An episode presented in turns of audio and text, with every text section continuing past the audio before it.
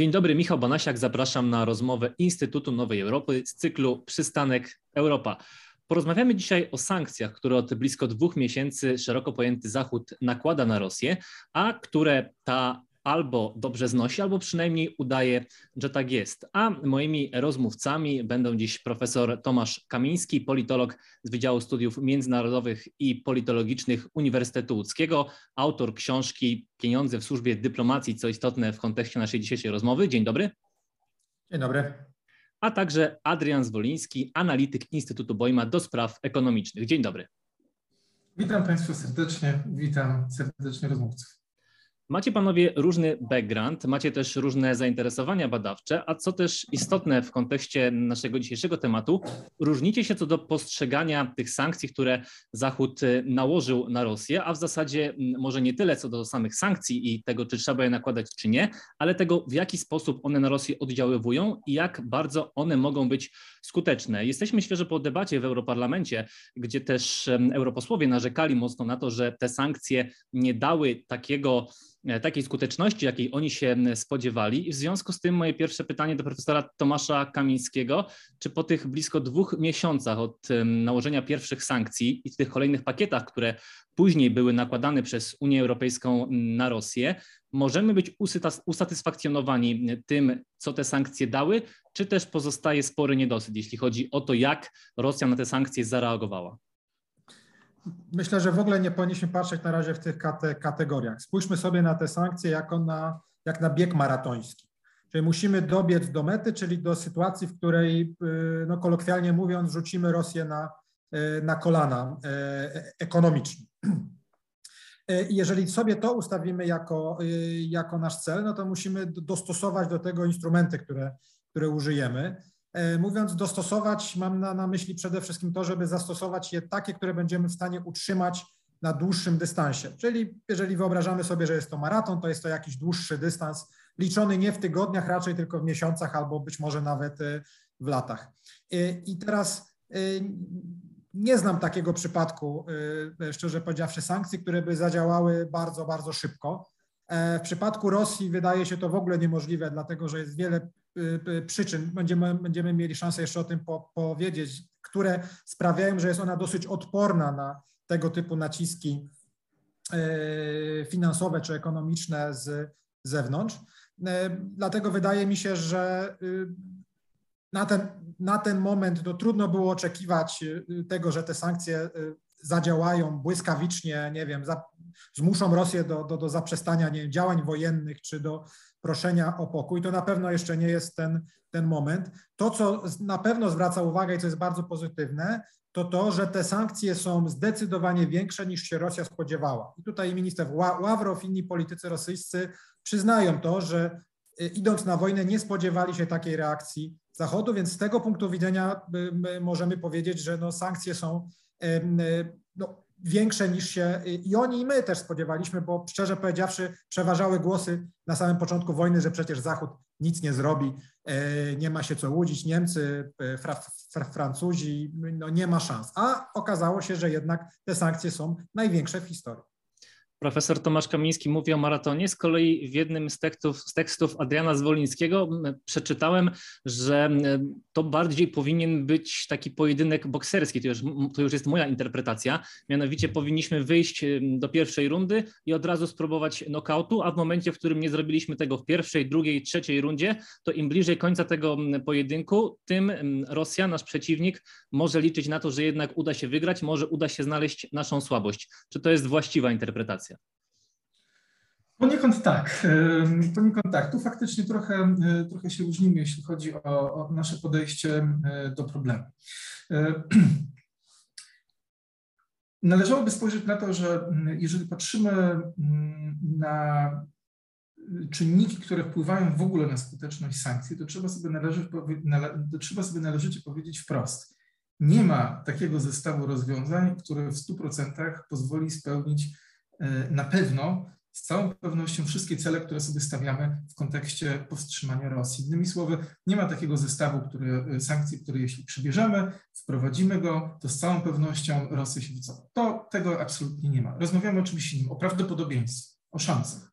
I generalnie z badań wynika, że oczywiście istnieje wiele czynników, które wpływają na powodzenie sankcji, o tym pewnie będziemy mówić, ale e, takimi istotnymi, e, które należałoby mieć z tyłu głowy, e, są przede wszystkim to, że po pierwsze one powinny być możliwie dotkliwe, po drugie powinny być możliwie szybko wprowadzone i po trzecie powinny, w tej opowieści o sankcjach powinny być jak najmniej czarnych rycerzy, to znaczy takich graczy, którzy będą starali się te sankcje w jakiś sposób torpedować. Na przykład państw, e, które będą udawały, że nikogo nie ma w domu, tak jak robią to Indie, inni przyłączały się e, do sankcji. Czy na przykład Chin, którzy też, e, które też odgrywają tutaj trochę rolę czarnych rycerzy. Natomiast skupiając się na tych dwóch kwestiach, zasadniczości sankcji, czy też ich szerokości i szybkości, Moim zdaniem one odgrywają tutaj bardzo dużą rolę. E, wspomnę tylko o e, tejże szybkości. No, zatem przemawiają e, trzy kwestie. Pierwszą kwestią, czemu sankcje powinny być szybkie, jest to, że niewątpliwie, ale one same w sobie wywołują, wojna sama w sobie wywołuje już skutki uboczne. Wiemy o, wiemy o tym, jak będzie prawdopodobnie ona wpływała na sektor żywnościowy, zwłaszcza w części państw rozwijających się w części państw ubogich Afryki czy Azji. Może nie jest to aż tak drastyczny problem dla e, Indonezji, aczkolwiek jest ona też w znacznym stopniu uzależniona od importu pszenicy zarówno z Ukrainy, jak i e, Rosji, ale jest to już na przykład znaczny problem dla części państw afrykańskich. Więc po pierwsze, im dłużej to będzie trwało, e, mówię o wojnie, o inwazji rosyjskiej na Ukrainę, tym większe prawdopodobieństwo skutków ubocznych. Po drugie, no, e, im dłużej będzie trwała, im dłużej będzie wprowadzało, będzie, im dłużej będzie trwało wprowadzanie sankcji, czy też im dłużej będzie trwała wojna, może w ten sposób należy powiedzieć, e, tym większe prawdopodobieństwo, że państwa, gracze polityczni będą mieli skorzy do wdrażania drastycznych sankcji, ponieważ będzie pogarszała się sytuacja gospodarcza. Mamy już pewne ryzyka stagflacji, mówię tutaj akurat o Polsce, E, ten scenariusz jest prawdopodobny, przynajmniej tak należałoby to określić. Niepewny, podkreślam, ale prawdopodobny. I w związku z tym, czy sytuacja związana z inflacją będzie się pogarszać, to będzie z całą pewnością wpływało na nastroje społeczne, na tolerancję społeczną przyjmowania restrykcyjnych sankcji, bardziej restrykcyjnych, a to z kolei będzie wpływało na większą niechęć państw do tego, żeby, mówiąc krótko, te sankcje wprowadzać. No i trzecia kwestia, niezwykle istotna, to jest wytrzymałość E, samej Ukrainy. Tutaj oczywiście e, e, są pewne kwestie, które są absolutnie niemierzalne. No, żadną miarą finansową nie zmierzymy cierpienia, które Rosja wywołuje na Ukrainie, śmierci bliskich żołnierzy, śmierci żołnierzy, śmierci niewinnych cywilów, mówiąc krótko, ludobójstwa, które Rosja dokonuje na Ukrainie. E, natomiast możemy próbować przynajmniej szacować na różne sposoby te straty. Oczywiście od przyjętej metodologii uzyskamy inny wynik. 28 e, marca minister gospodarki Ukrainy podawała w takim bardzo szerokim zakresie szkód, że inwazja Rosji doprowadziła do około 565 e, miliardów dolarów strat. To było bardzo szerokie ujęcie. Nasz polski Instytut Ekonomiczny wskazuje że straty w PKB mogą sięgnąć nawet około 100 miliardów e, dolarów e, w tym roku, używając trochę innego oczywiście ujęcia. Jakby nie patrzeć, z czasem te straty będą rosły. I to jest też kolejny powód, dla którego należy się śpieszyć. W związku z tym, już tak kończąc trochę moją przydługą wypowiedź, w mojej ocenie, skupiając się tylko na tych dwóch kwestiach, szerokość, czyli intensywność i szybkość sankcji, są tutaj kluczowe dla zwiększenia powodzenia e, samych sankcji. E, I, no, i tu na razie postawię kropkę. Panie profesorze, ja na samym początku powiedziałem, że Rosja albo na razie te sankcje dobrze znosi, albo udaje, że tak jest. Pan przywołał słowa ministra Ławrowa, który powiedział, że no nie do końca spodziewali się Rosjanie aż tak dużej mobilizacji ze strony Zachodu i rzeczywiście te kolejne transze sankcji są coraz mocniejsze, ale na tym etapie Pana zdaniem Rosjanie faktycznie dobrze to znoszą, robią dobrą minę do złej gry, czy może po prostu te sankcje jeszcze nie są aż tak dotkliwe, jak chciałby tego Zachód, jak Zachód by sobie tego wyobrażał i jak też chciałby Adrian Zwoliński. Może wyobraźmy sobie taką statystyczną rodzinę rosyjską, która no, musi żyć w takim reżimie sankcyjnym. Nawet jeżeli w tym momencie do Rosji nie napływają pewne towary, E, bo to jest bardzo dotkliwe. Wczoraj zresztą e, nawet oficjalne źródła rosyjskie potwierdzały to, że, że mniej w tym momencie bolą nawet brak dostępu do rezerw walutowych, bo, bo Rosjanie mają jeszcze ich wystarczająco pod ręką, żeby swój rynek finansowy e, ratować, ale zaczynają być niedobory na rynku podstawowych pro, produktów, które po prostu do Rosji nie, nie docierają, co powoduje wzrost ich cen, czy, czy w ogóle ich brak na, na rynku. No ale spójrzmy na to z perspektywy e, rodziny. E, no to przez pierwsze tygodnie, nawet jeżeli, by, nie wiem, tracimy pracę, tracimy możliwość kupienia leków czy jakichś tam e, pro, produktów, no to jeszcze mamy zapasy. Jeszcze możemy korzystać z tego, co sobie zgromadziliśmy wcześniej. Więc przez pierwszych kilka tygodni to nas na pewno nie będzie specjalnie bo, bolało. Musi minąć troszkę czasu, zanim zapasy w magazynach się y, wyczerpią i kiedy na przykład określonych leków faktycznie w aptekach nie będzie. No i wtedy ktoś, kto cierpi na, na y, nie wiem, przewlekłą chorobę i musi brać leki, nie ma nie wiem, za, zamienników, no faktycznie to y, odczuje. Ale to jeszcze nie jest ten, to jeszcze nie jest ten moment.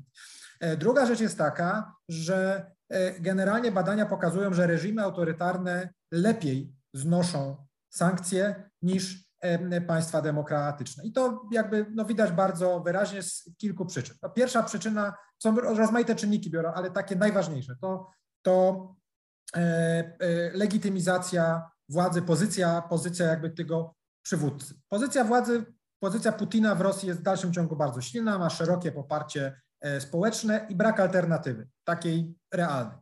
E, więc to pozwala mu nakładać pewne ciężary na społeczeństwo, które to społeczeństwo znosi. Drugi czynnik to oczywiście e, zasoby, które ma dany kraj. W tym wypadku mówimy na przykład o rezerwach walutowych.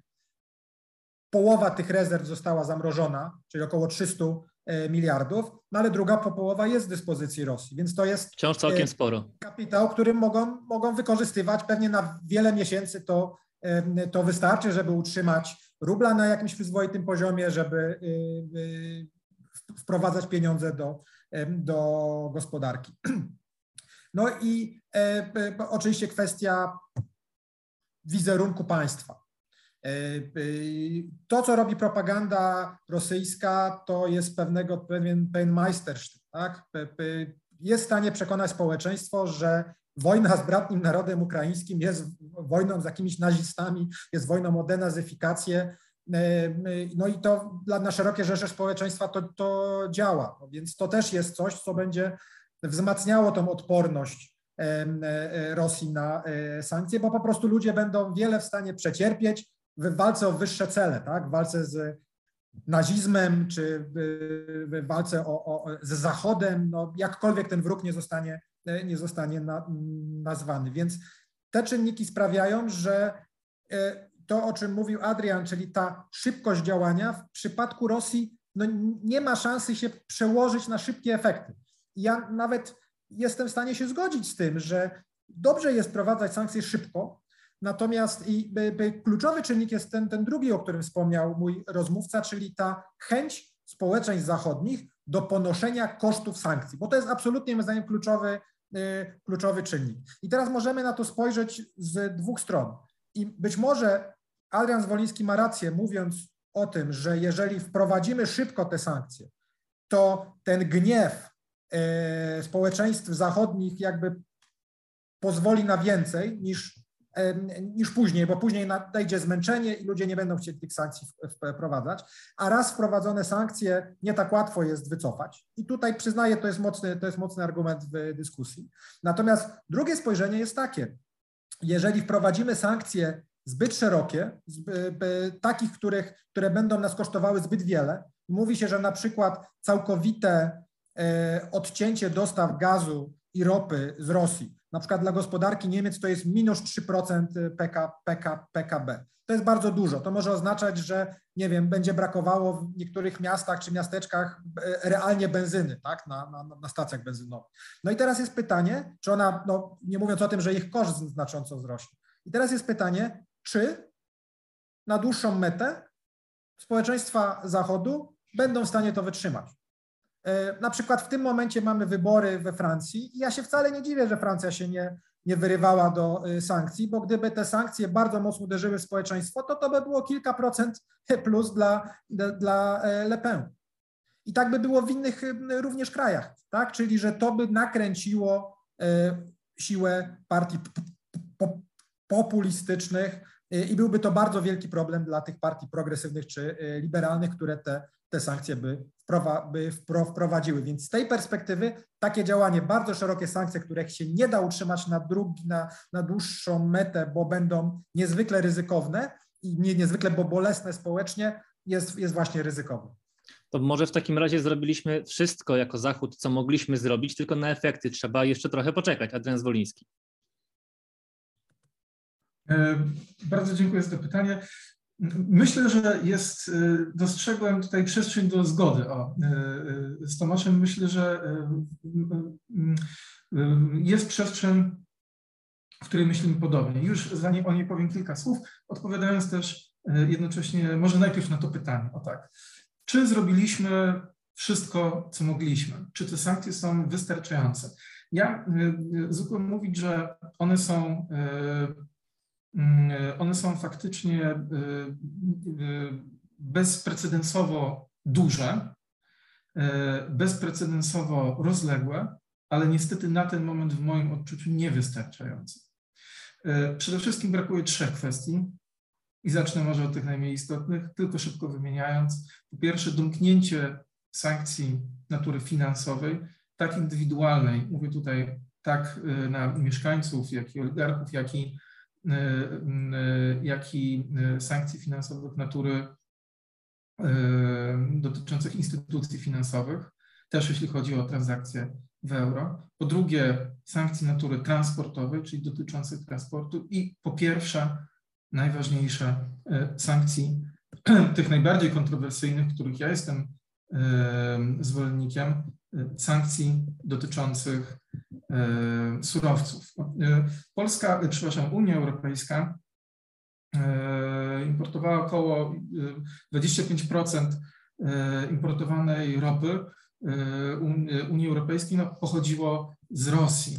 Jeżeli spojrzymy z kolei na gaz, to w 2021 roku, jeśli chodzi o gaz ziemny, ten import z Rosji stanowił około 45% całego importu. To są bardzo duże, wymierne e, e, korzyści dla Rosji, które stanowią e, ogromne, ogromne źródło jej finansowania, mówiąc już tak najprościej i najkrócej. To jeszcze tutaj takie pytanie pomocnicze, mhm. myślę, że dość istotne w kontekście tego ewentualnego tak. porozumienia między, pana, między panami. Tak. Na ile możemy sobie jako Zachód pozwolić właśnie pod kątem ekonomicznym, bo dużo mówimy, dużo mówi się w przestrzeni medialnej o różnego rodzaju takich naprawdę już atomowych sankcjach, czyli właśnie chociażby zakazie importu surowców, ale czy wtedy nie doszłoby właśnie do sytuacji, o, o której przed chwilą mówił profesor Kamiński, e, że społeczeństwa zaczęłyby się buntować, no bo jednak e, im dalej jesteśmy od pierwszego dnia rosyjskiej agresji, tym nie ma co ukrywać, jesteśmy trochę przyzwyczajani do tego, co Jasne. dzieje się na Ukrainie. Też im dalej od frontu, tym ta obojętność na, na działania wojenne e, coraz większa. No a jednak e, jeśli chodzi o ceny, jeśli chodzi o inflację, jeśli chodzi o rachunki, to jest to, na co mieszkańcy zachodu Europy no, muszą zwracać uwagę, no bo to są ich budżety domowe, to są ich codzienne wydatki. To jest bardzo słuszna uwaga e, i tutaj Tomasz ma jak najbardziej rację, że jest coś za coś, innymi słowy, kosztem wprowadzenia czy też ryzykiem, no, czyli kosztem w tym przypadku wprowadzenia e, e, tychże sankcji, o których wspomniałem, e, będzie wzrost w pewnym stopniu populizmu w Europie. To jest, można by nazwać ryzykiem czy kosztem, tu już się można spierać o nazewnictwo, ale tak, jak najbardziej. Natomiast ja na to patrzę w ten sposób. Istnieje możliwość dywersyfikacji źródeł, nie od razu, oczywiście Europy, jeśli chodzi o źródła energetyczne, o których wspomniałem. E, I na pewno koszt, e, czy to w rozumieniu limitowanych dostaw energii, czy czasem braków, być może czy w niektórych państwach, czy w ogóle generalnie inflacji surowcowej, energetycznej, to jak najbardziej to, to, to są realne ryzyka. Natomiast ta dywersyfikacja czeka nas tak czy siak, mówiąc krótko. Prędzej czy później państwa, mówię tutaj o państwach Unii Europejskiej, będą musiały się na tę dywersyfikację zdobyć. Mamy wyjątkowo korzystną sytuację, biorąc pod uwagę, biorąc pod uwagę relacje i stan surowcowy Unii Europejskiej, biorąc też pod uwagę czy to relacje z Afryką, czy z Azją. I faktycznie tej dywersyfikacji należy szukać, w mojej ocenie, również jak najszybciej. I być może skutkiem, pozytywnym skutkiem ubocznym tej sytuacji byłoby właśnie zmuszenie e, partii, e, nazwijmy ich umiarkowanych, czyli nie partii skrajnych, nie partii populistycznych, do i rządzących partii, do właśnie szukania tychże rozwiązań dywersyfikujących. Po prostu by musiało się rzeczy przyspieszyć e, te procesy. I moim zdaniem jest to mniejsze ryzyko i mniejszy koszt niż niewprowadzanie tego rodzaju sankcji i nieutrudnienie w ten sposób y, Rosji y, dalszej inwazji na Ukrainę. To oczywiście jest kwestia tego, jak wyceniamy ryzyko. W mojej ocenie ryzyko, ryzyko inwazji Rosji na Ukrainę i pozwolenie jej przeprowadzić tę inwazję, tę inwazję w sposób korzystny dla Rosji i możliwie bezstratny jest bardzo dużym zagrożeniem, stąd należy wprowadzać tak nawet drastyczne środki, które tak czy siak, jak powiedziałem, e, będziemy musieli pośrednio wprowadzać w ogóle w najbliższym horyzoncie czasowym. No, Mamy dyskusję na temat kolejnego mogę... pakietu sankcji. Panie jeśli profesorze, mógł... też od, od razu zadam A, pytanie, zanim Pan odpowie, bo chciałbym od razu zapytać też o e, kolejny pakiet sankcji. Wiemy, że taki jest przygotowywany i co Pana zdaniem powinno się w nim znaleźć, żeby mocniej uderzyć w Rosję, a jednocześnie samemu nie zrobić sobie krzywdy? No właśnie, bo to, co Pan powiedział, moim zdaniem, pokazuje jakby logikę działania, którą powinniśmy się kierować, czyli minimalizację kosztów własnych przy maksymalizacji bólu przeciw, dla, przeci, dla przeciwnika. A to oznacza, że powinniśmy raczej działać skalpelem, a nie cepem tak? Czyli jakby, jakby takie uderzenia trochę na, na oślep y, powodują, że się będziemy odsłaniać i przeciwnik będzie mógł też nas boleśnie uderzyć. Więc ja myśląc o sankcjach, zdecydowanie jestem zwolennikiem sankcji bardzo przemyślanych i właśnie takich y, y, raczej skalpelem niż, niż cepem. Jakieś konkrety? Co oznacza, że trzeba to bardzo dobrze policzyć, tak? I tutaj już wchodzimy w techniczne rzeczy, którymi no, muszą, tak naprawdę muszą usiąść e, e, eksperci od poszczególnych gałęzi prze, przemysłu gospo, gospo, gospodarki. Tego nie, e, tego nie ustalimy, czy to ma być bardziej troszeczkę w lewo, czy bardziej troszeczkę w prawo. Rozumiem, że różnica między nami jest taka, że Adrian proponuje, żeby to było wszystko, to co, to, co mamy. I teraz, jeżeli Pan pozwoli, to to kilka kontrargumentów, które, no, które mi się układają w głowie. Pierwszy to taki, że jeżeli na sankcje po, po, popatrzymy również jako na element nacisku politycznego, to my nie możemy wszystkich kart wyrzucić w rozgrywce od razu na stół. No bo niewątpliwie w tle działań wojennych toczą się rozmowy dyploma, dyplomatyczne i nie mam żadnych wątpliwości, że głównym E, celem jakiegokolwiek porozumienia pokojowego ze strony Rosji będzie złagodzenie reżimu sankcy, sankcyjnego. No bo nic im po zdobyczach e, jakichś teryto, terytorialnych, jeżeli będą mieli zaciskającą się z miesiąca na miesiąc pętlę, pętlę na szyi. Więc tutaj, jeżeli spojrzymy na sankcje jako na instrument polityczny, no to warto grać kartami rozważnie, tak żeby można było jeszcze tego przeciwnika szachować, czy grozić mu czymś, co może być wprowadzone. Więc to jest politycznie rzecz, e, politycznie rzecz e, wygodna. Z drugiej, e, drugi argument to, to ten o tych kosztach dla społeczeństwa. Ja po, po, po, powtórzę jeszcze, jeszcze raz, żeby pokazać inne jego konsekwencje. To nie tylko wzrost nastrojów populistycznych, ale również zwiększona inflacja i kryzys gospodarczy, który może być tym, tym, wywo, tym wywołany, jeżeli byśmy poszli, powiedzmy, all in, tak, czyli odcinamy się od Rosji całko, całkowicie. To musiałoby wywołać bardzo mocne perturbacje, a być może nawet kryzys gospodarczy. I teraz zobaczcie, jakie to ma dwie konsekwencje. Pierwsza to taka, że to bardzo ograniczy możliwości i chęci udzielania pomocy gospodarczej Ukrainie i odbudowy Ukrainy, bo na to też musimy mieć pieniądze. Jeżeli będziemy uderzeni kryzysem gospodarczym, będziemy walczyć z bardzo wysoką inflacją, to siłą rzeczy energia polityczna będzie skierowana na wewnątrz, na gaszenie pożarów wewnętrznych i będzie malały, będą malały chęci tak, angażowania się politycznego na, e, na Ukrainie, a przywódcy europejscy nie będą mieli czasu jeździć do Kijowa, tylko będą wzywali e, na e, szczyty specjalne wszystkich pre, pre, premierów będą się zastanawiać, jak, jak ratować kryzys przed kryzysem gospodarczym, tak jak mieliśmy w czasie COVID-u, czy tak jak mieliśmy wcześniej w czasie kryzysów gospodarczych. Czyli wtedy Europa się zasklepiała i jakby patrzyła do wewnątrz, jak tutaj ratować sytuację w poszczególnych krajach, a nie, a nie patrzyła y, globalnie. Więc to jest moim zdaniem y, bardzo duże ryzyko, którego byśmy chcieli uniknąć, bo nam są te pieniądze potrzebne, potrzebne, żeby wspierać Ukrainę teraz,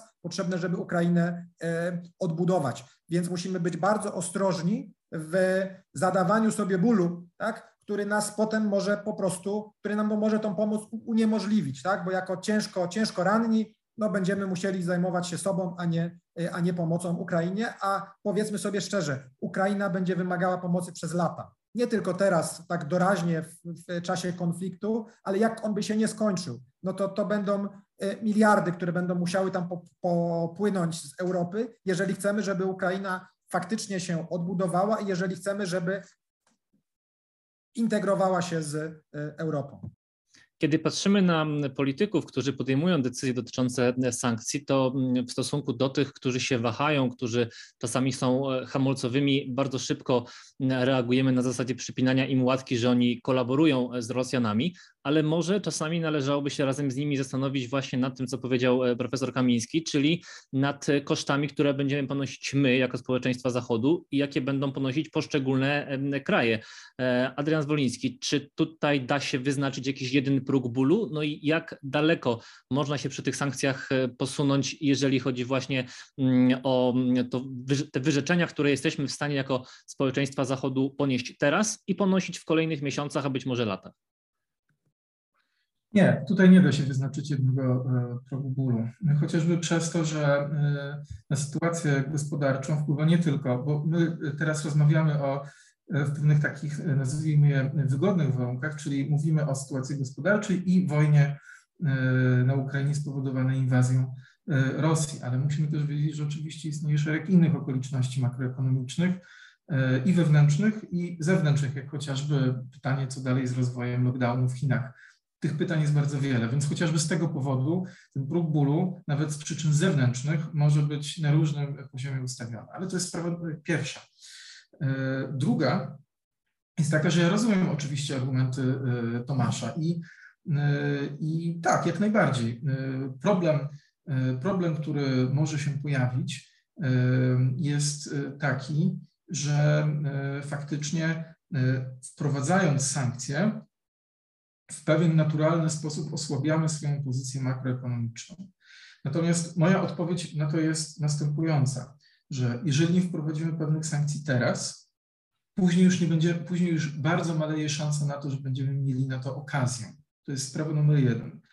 Więc y, kiedy mówimy o kartach położonych na stół, no to moja odpowiedź jest taka, że jeżeli y, mamy dobry układ na ręku i mamy przeczucie, czy też zakładamy, że przeciwnik ma słabszy, no bo takie jest założenie sankcji, że one są skuteczne, tak? No inaczej byśmy ich nie podejmowali, albo że zwiększają prawdopodobieństwo, osłabiają Rosję, na przykład utrudniając jej finansowanie, y, to wtedy y, powinniśmy wyłożyć ten układ jak najszybciej właśnie na stół. To jest sprawa numer jeden. Sprawa numer dwa.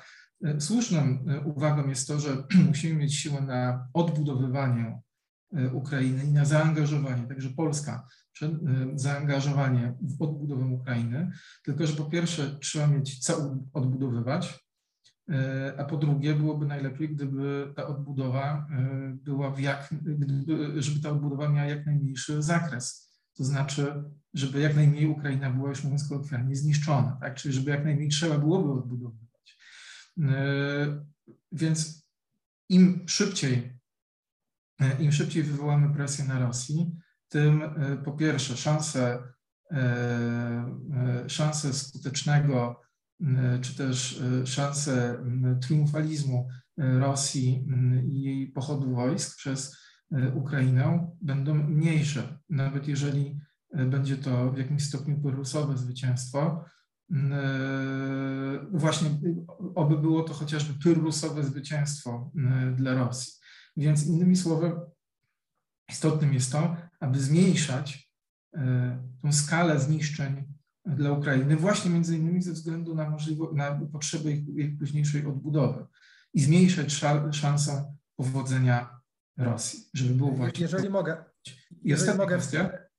Tak, proszę, tak, tak, tak. Adwocem krótkie, no bo, bo tutaj jest taki punkt niezgodny, bo jak rozumiem, Adrian, uważasz, że y, eskalacja tych sankcji jest w stanie powstrzymać Rosję, a mój punkt widzenia jest taki, że trzymanie pewnych kart na ręku, czyli nie, nie rzucenie ich wszystkich, e, pozwoli na grę dyplomatyczną z Rosją, czyli na przykład jeżeli wy użyjecie broni chemicznej, to my gramy to. Jeżeli wy użyjecie taktycznej broni nuklearnej, to my gramy jeszcze coś innego. I wtedy ten przeciwnik wie, że będzie sobie maksymalizował koszty, tak? Jeżeli będzie, nie wiem, dalej eskalował.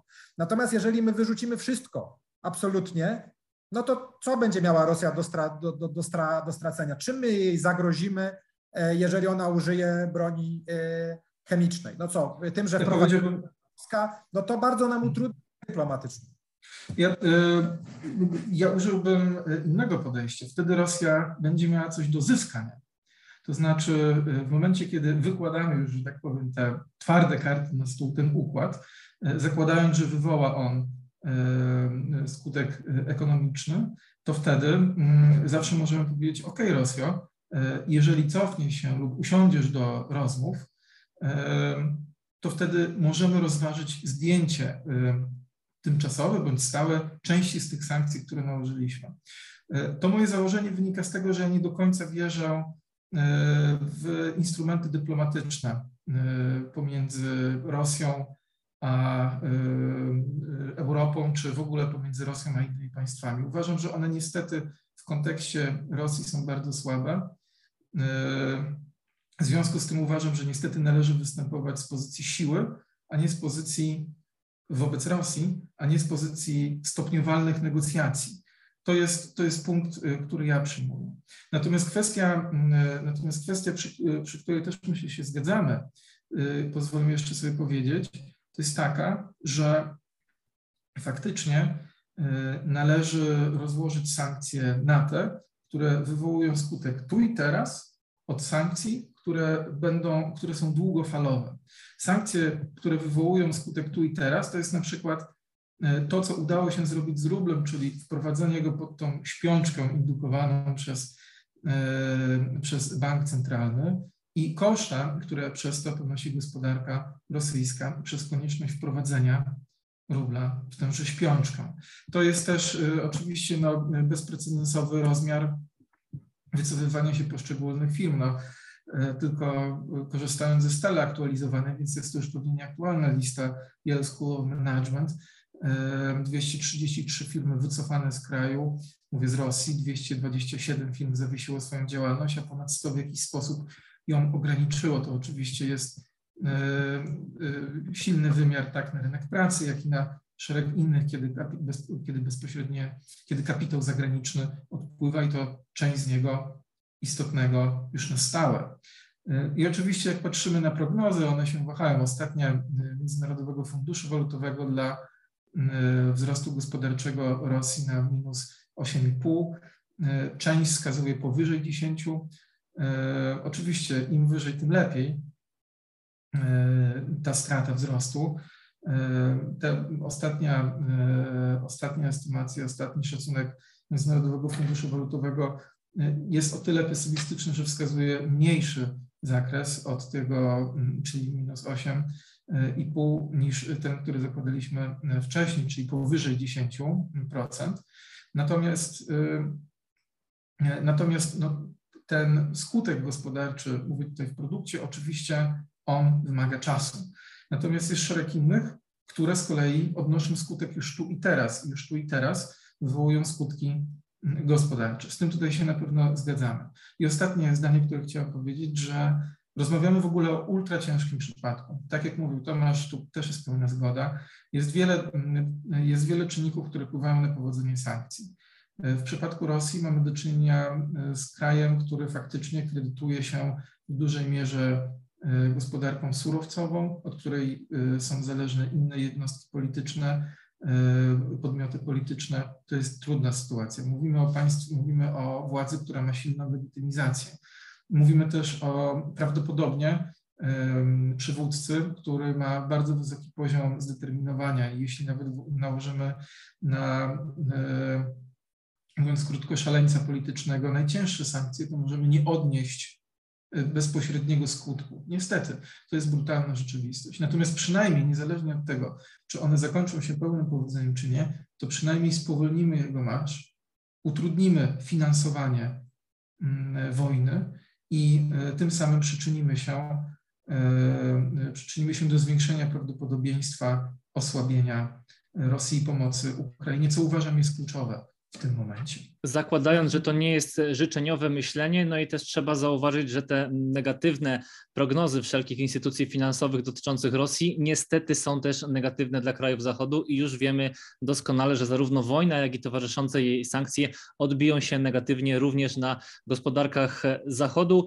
Bardzo serdecznie dziękuję za tę dyskusję. Myślę, że ona pokazuje, jak dużo też mają do debatowania ci, którzy faktycznie będą decydować o kolejnych transzach sankcji nakładanych na Rosję. Profesor Tomasz Kamiński z Uniwersytetu Łódzkiego, politolog, autor książki Pieniądze w służbie dyplomacji oraz Adrian Zwoliński, analityk Instytutu Bojma do spraw ekonomicznych.